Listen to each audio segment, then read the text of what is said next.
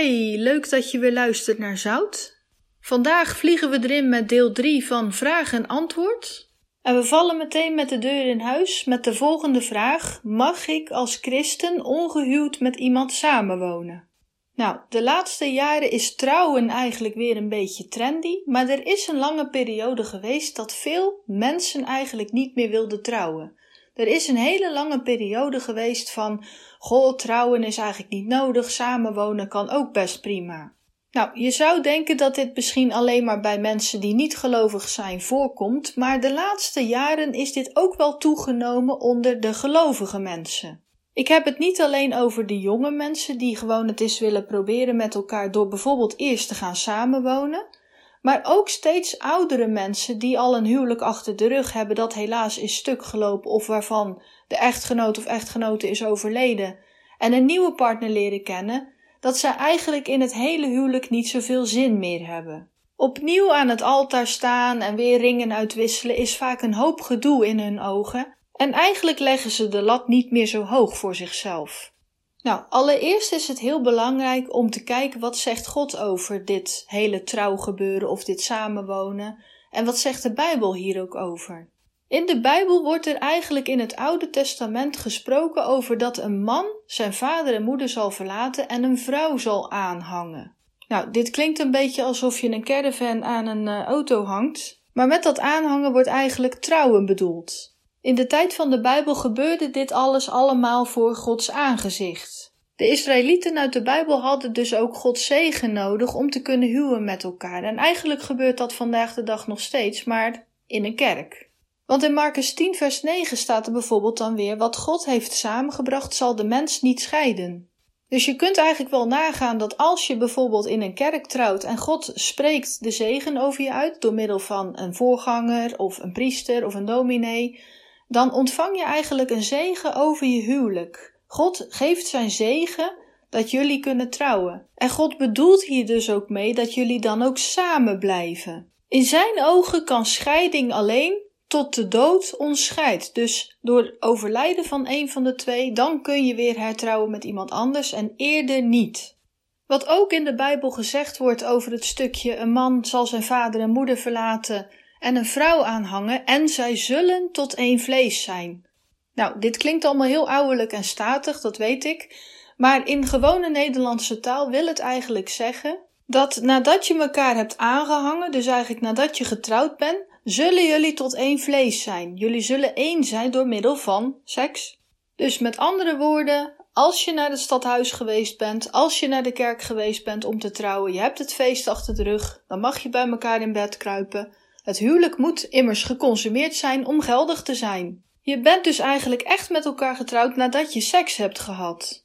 Ja, dus als je goed hebt opgelet, heeft God dit eigenlijk in een bepaalde volgorde bedoeld. Echter wel wordt vandaag die volgorde soms een beetje door elkaar gehusseld. Tegenwoordig moet je eerst met iemand naar bed zijn geweest om te kijken of het wel klikt, dan ga je samenwonen en als laatste zie je wel of je misschien een keer in het huwelijksbootje stapt, maar ook dat is optioneel.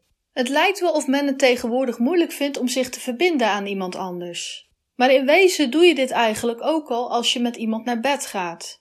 Wanneer je met iemand naar bed gaat voordat Gods zegen over je is uitgesproken, dus voordat er een huwelijk gesloten is, verbind je je eigenlijk geestelijk toch met iemand anders waar je mee seks hebt op dat moment. Want er gebeurt veel in het lichamelijke, maar ook in het uh, geestelijke eigenlijk. Er gebeurt spiritueel heel veel als je met iemand seks hebt. Je wordt als het ware één met die persoon.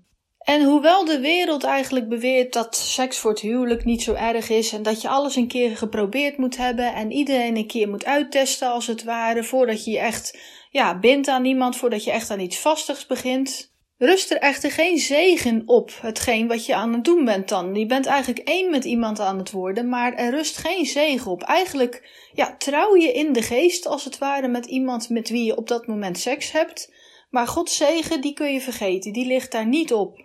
God heeft ook eigenlijk nooit losse contacten bedoeld. Hij wil eigenlijk dat seksualiteit tussen man en vrouw plaatsvinden. Het wordt omschreven in de Bijbel als iets heiligs tussen twee personen die met elkaar getrouwd zijn.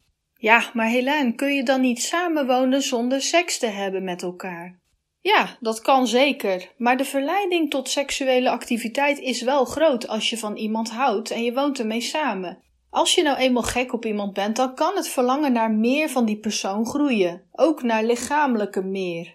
Ik zeg niet dat iedereen hier aan toe zal geven, maar de kans dat je toegeeft wordt een stuk groter dan wanneer jullie apart wonen van elkaar. Ik begrijp dat de wil om te wachten er wel is, maar het is wel moeilijk. Ja, oké, okay, Hela, maar moet je dan maar hals over kop gaan trouwen met iemand? Nee, het is heel belangrijk dat je iemand eerst goed leert kennen. Het is namelijk niet altijd automatisch zo dat als iemand ook gelovig is, net als jij, dat dit automatisch de partner van je leven is. Trouwen om maar zo snel mogelijk met elkaar het nest in kunnen duiken is geen goed motief om een huwelijk te starten. Wanneer je door snel, snel, snel met elkaar in het huwelijksbootje te stappen, legaal eigenlijk met elkaar naar bed wil kunnen gaan, is je huwelijk niet gebaseerd op liefde, maar op lust. Ik zag dit bijvoorbeeld vroeger in mijn kerk van oorsprong veel gebeuren. Jongens en meisjes die eigenlijk nog vrij jong waren om te trouwen, elkaar nog niet zo lang kenden, maar toch al heel snel een huwelijksakkoord met elkaar aangingen. Alles zo gezegd met de beste bedoelingen en ook onder het mom van we willen niet zondigen. Heel wat van deze stellen zijn helaas na een korte periode toch weer gescheiden. Wanneer je ook als christen trouwt alleen maar om iemand uit te proberen in bed en de rest zul je wel aankijken, is dit vaak geen goed fundament. Ik heb niet gezegd dat het bij niemand meer goed kwam, maar het is gewoon geen goede basis om een huwelijk mee te starten als het uit lust gebeurt. Dus ja, bij sommige mensen is er de wil om te wachten, maar bij andere mensen is er geen wil om zich te verbinden of om zelfs te wachten met seks. Als gelovige christen zou je moeten weten dat dit wel degelijk uitmaakt in Gods ogen. Ik leerde ooit een vrouw kennen die al wat op leeftijd was en haar man was tien jaar geleden gestorven aan kanker. In de kerkgemeenschap waar ze zich na een tijdje aansloot, leerde ze een weduwnaar kennen. In feite waren zij alle twee lotgenoten van een partner die was gestorven aan kanker. Ze besloten een keer met elkaar een kopje koffie te gaan drinken, maar uiteindelijk werd het een hele thermosfles. Binnen een aantal maanden was de vrouw eigenlijk bij de man ingetrokken. Ze voelde zich gelukkig, want ze was niet meer alleen en ze had toch weer die kriebels in haar buik van opnieuw verliefd te zijn. Nou, als je het zo hoort, is daar eigenlijk niet zoveel mis mee, zou je denken. Maar toen de kerkgemeenschap zich begon te bemoeien met hun relatie, begon ze giftig van zich af te bijten. Ze had geen zin in een huwelijk, ze had geen zin in een feest. En ze vonden eigenlijk alle twee dat dit in de moderne maatschappij ook wel prima kon. God was immers een man van alle jaren en ook God gaat met zijn tijd mee. En ja, het is waar, God gaat met zijn tijd mee. Maar God is altijd dezelfde gebleven. God was in de tijd van de Bijbel dezelfde, gisteren, vandaag en morgen zal God nog steeds dezelfde zijn. Dit is ook wat hij zegt in de Bijbel. Zijn opinie over getrouwd zijn of seks voor het huwelijk verandert dus niet. Misschien moeten we ons eerder afvragen waarom mensen zich niet meer durven te verbinden met elkaar. Vind hierin je oorzaak en je vindt hierin je oplossing. Wanneer je dus God als je getuige vraagt op je huwelijk, zal Hij je die zegen geven. En wanneer je blijft werken aan zowel je relatie met je partner, zowel als aan je relatie met God, dan kan er eigenlijk niks mislukken. Zul je dan nooit eens ruzie hebben of oneenigheid? Natuurlijk wel, maar God heeft je gezegend en Hij waakt erover. Het antwoord op gelovig zijn en samenwonen en niet willen trouwen is dus nee, beter niet doen. Gewoon elkaar goed leren kennen en lekker gaan trouwen op den duur. Oké, de volgende vraag die ik heb gekregen is eigenlijk van iemand uit mijn omgeving, niet iemand die ik heel goed ken, maar die vroeg mij een tijd geleden: Helen, bestaat de Satanskerk echt? Ja, de Satanskerk bestaat echt, helaas. Ik weet dat er nogal wat mythes, fabeltjes en verhalen de ronde doen over de zogenaamde Satanskerk en het Satanisme, maar de Satanskerk of Satanstempels bestaan helaas echt ja. Je moet ook maar zo zien, er zijn vele godsdiensten op aarde. De bekendste zijn natuurlijk het christendom, de islam, hindoeïsme, boeddhisme. En zo heb je ook nog talloze afstromingen van, ja, Aziatische geloofsleer, Afrikaanse rimboediensten, Wayang uit Indonesië, nou, noem het maar op, maar er is ontzettend veel over de hele wereld gaande wat uh, betreft religie. Nou, het kan zijn dat je niet gelovig bent en toch hier naar luistert, of misschien ben je wel een christen en weet je dus dat jij en ik God aanhangen, als het ware. Wij zijn aanhangers van God, het christendom. Maar de grote tegenhanger van God is eigenlijk Satan. En zoals je in mijn vorige podcast kon horen van vraag en antwoord deel 1 over waarom heeft God de duivel gemaakt, zo kun je daar ook in horen dat God eigenlijk geen duivel gemaakt heeft, maar God heeft allereerst een engel gemaakt. Het was een van zijn ja, hooggeplaatste favoriete engelen. Het was een spiritueel wezen met een eigen wil. Dat eigenlijk in de hemel begon te muiten met een hoop andere engelen. Dat werden op de duur dan gevallen engelen, demonen. En eigenlijk vanaf het moment dat God zich dus niet van de troon liet schoppen of zelf troonsafstand deed, heeft hij eigenlijk ja, deze uh, hooggeplaatste engel, die Lucifer heette, de hemel uitgeflikkerd, eigenlijk de hemel gewoon uitgelazerd, met al zijn trawanten die ook niet deugden. En zo is deze engel eigenlijk een duivel geworden. Er zat namelijk niks goeds meer bij. Hij wilde beter zijn dan God, niks was genoeg, hij wilde alsmaar meer. En hij nam niet genoegen met de privileges en alle heiligheid die God hem gaf. Uh, en God zei: Iemand die nooit tevreden is, die laat ik niet op mijn troon zitten. Ik ben God, ik ben de Almachtige. Je hebt een eigen wil, ik zal je niet doden, maar ik verban je wel uit de hemel. Nou, op aarde werd Lucifer dus eigenlijk Satan. En Satan begon zodra dat er een mens eigenlijk gemaakt werd, zodra Gods schepping op aarde uh, door God was gemaakt, en begon er eigenlijk opnieuw de boel aan diggelen te slaan door eigenlijk Eva te verleiden door een stuk van de verboden vrucht te eten. Hij verleidde eigenlijk de mens om te doen wat God juist verboden had, dus om eigenlijk tegen God te kiezen. Ja, en toen kwam er zonde in het hart van de mens, want zodra uh, Eva eigenlijk een stuk van die vrucht had gegeten, uh, kwam er gelijk dood in haar geest. Er kwam eigenlijk een verandering van karakter. Ze was dezelfde niet meer, want ze rende meteen naar Adam om hem eigenlijk te verleiden om hetzelfde te doen. Ze wilde eigenlijk een partner in crime hebben. En hoewel Adam had kunnen kiezen van joh, daar mogen we niet van eten, gooi die appel gelijk weg. Nee, heeft hij gekozen om toch ook hetzelfde te doen. De mens had eigenlijk alles om gelukkig over te zijn, en toch was er die ontevredenheid. Noem het ergens nieuwsgierigheid, maar het was vooral ook ongehoorzaamheid. Men zegt wel eens: al het goede komt van boven, oftewel al het goede komt van God en al het slechte komt van Satan. Nou, deze bewering is juist. Maar helaas is Satan ook een grote kopieermachine van God. Want ook hier op aarde wil hij graag door mensen aanbeden worden. Alleen maar kwade dingen doen is voor hem niet genoeg. Eeuwen geleden organiseerden mensen al demonische avonden, covens en heksenkringen.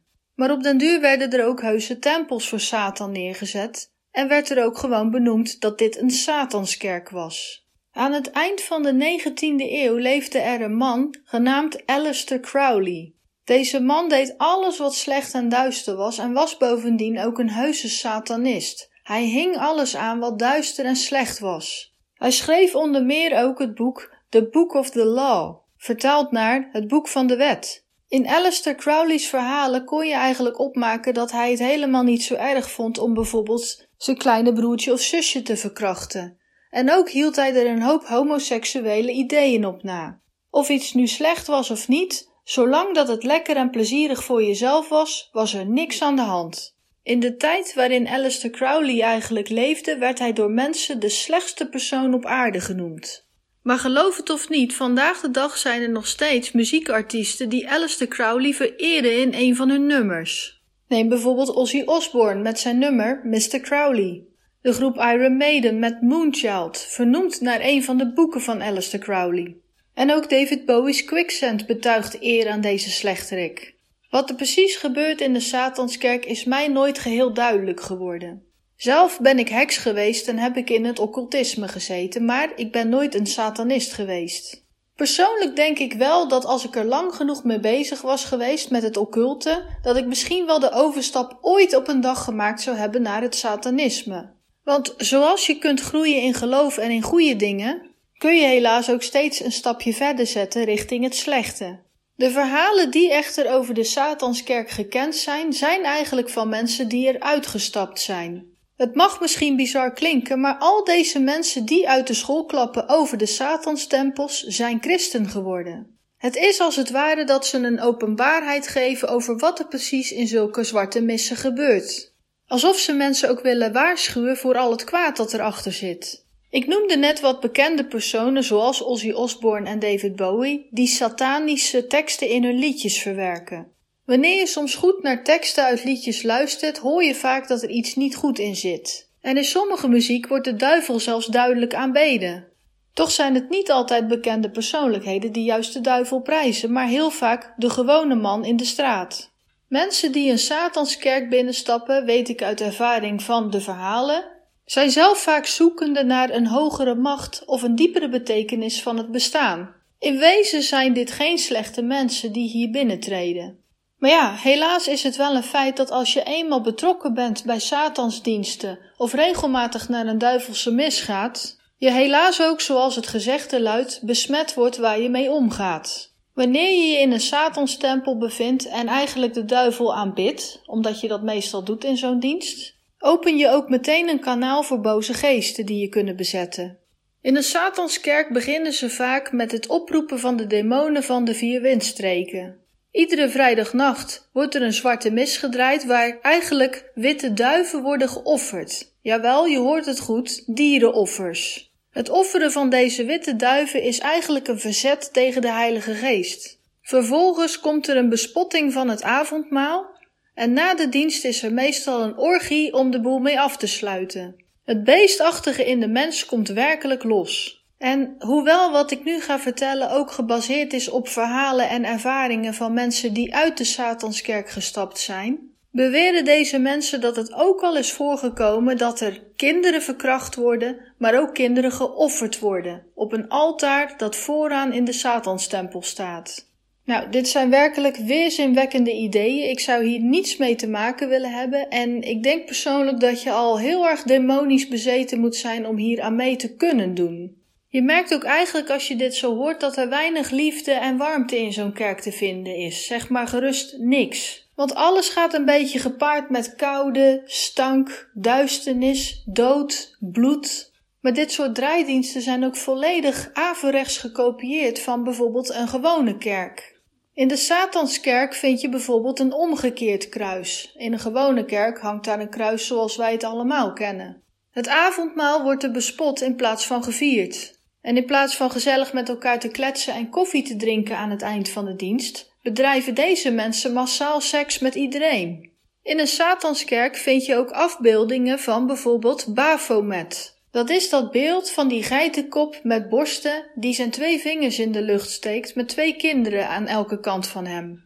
Afbeeldingen van Belzebub, dat is namelijk de heer van de vliegen en wordt dus ook afgebeeld als een vervelende vuile steekvlieg. Een omgekeerd pentakel vind je er ook. En wanneer men elkaar begroet, steken ze vaak een bokkenpoot in de lucht. Ze maken van hun handen een vuist, de pink en de wijsvinger steken uit en de duim is naar binnen gevouwen. Het lijkt een beetje op het dove gebarentaal van I love you, ik hou van je, maar dan een klein beetje anders. Deze bokkenpoot die gemaakt wordt, die zie je ook wel regelmatig op festivals terug. Als je bijvoorbeeld kijkt naar de rockband Kiss, met die gasten met hun zwarte ogen en hun witte gezichten, dan zie je ook wel dat Gene Simmons vaak zijn beide handen in een bokkenboot uitsteekt en daarna ook nog eens zijn tong uit zijn mond rolt. Aanhangers van de Satanskerk noemen zichzelf Satanisten of Luciferianen. Tja, je zou misschien denken dat dit allemaal door en door slechte mensen zijn, maar het zou heel goed kunnen dat bijvoorbeeld je buurman bij een Satanskerk is aangesloten zonder dat jij dit weet. Waar de gewone christelijke kerk mensen zegent, spreekt de Satanskerk juist vervloekingen uit over mensen. Maar er is wel één maar. Afvallige die vertelden over de Satanskerk, vertelden wel één belangrijk punt. Een vervloeking uitspreken kan iemand behoorlijk treffen en zelfs laten overlijden. Maar wanneer ze een vervloeking uitspreken over een Jood of een wedergeboren christen, komt deze drie keer in hun nadeel terug. Bovendien blijft de Jood of de wedergeboren christen onaangetast. De vloek zal niks uithalen. Als wedergeboren christen ben je dus eigenlijk beschermd tegen dit soort gasten. Maar goed, Satanskerk, demonische priesters, dat is allemaal vast heel ver van mijn bedshow allemaal. Nou, en toch zal je raar staan opkijken dat er zelfs in jouw stad of in jouw dorpje satanisten kunnen wonen. Satanspriester zijn of uh, demonische diensten bijwonen is doorgaans niet iets waar mensen heel veel mee te koop lopen. Maar toch valt het me op, en zeker in de celebrity world, dat mensen er vaker mee te koop beginnen lopen. Een hele tijd geleden won Christian Bale, dat is de acteur van Batman The Dark Knight, een Emmy Award. Op YouTube kun je dit fragment terugzien en zie je ook dat hij onder andere Satan bedankt voor zijn geleverde prestaties. Zonder een beetje hulp van de duivel had hij als het ware nooit die Emmy Award kunnen bereiken.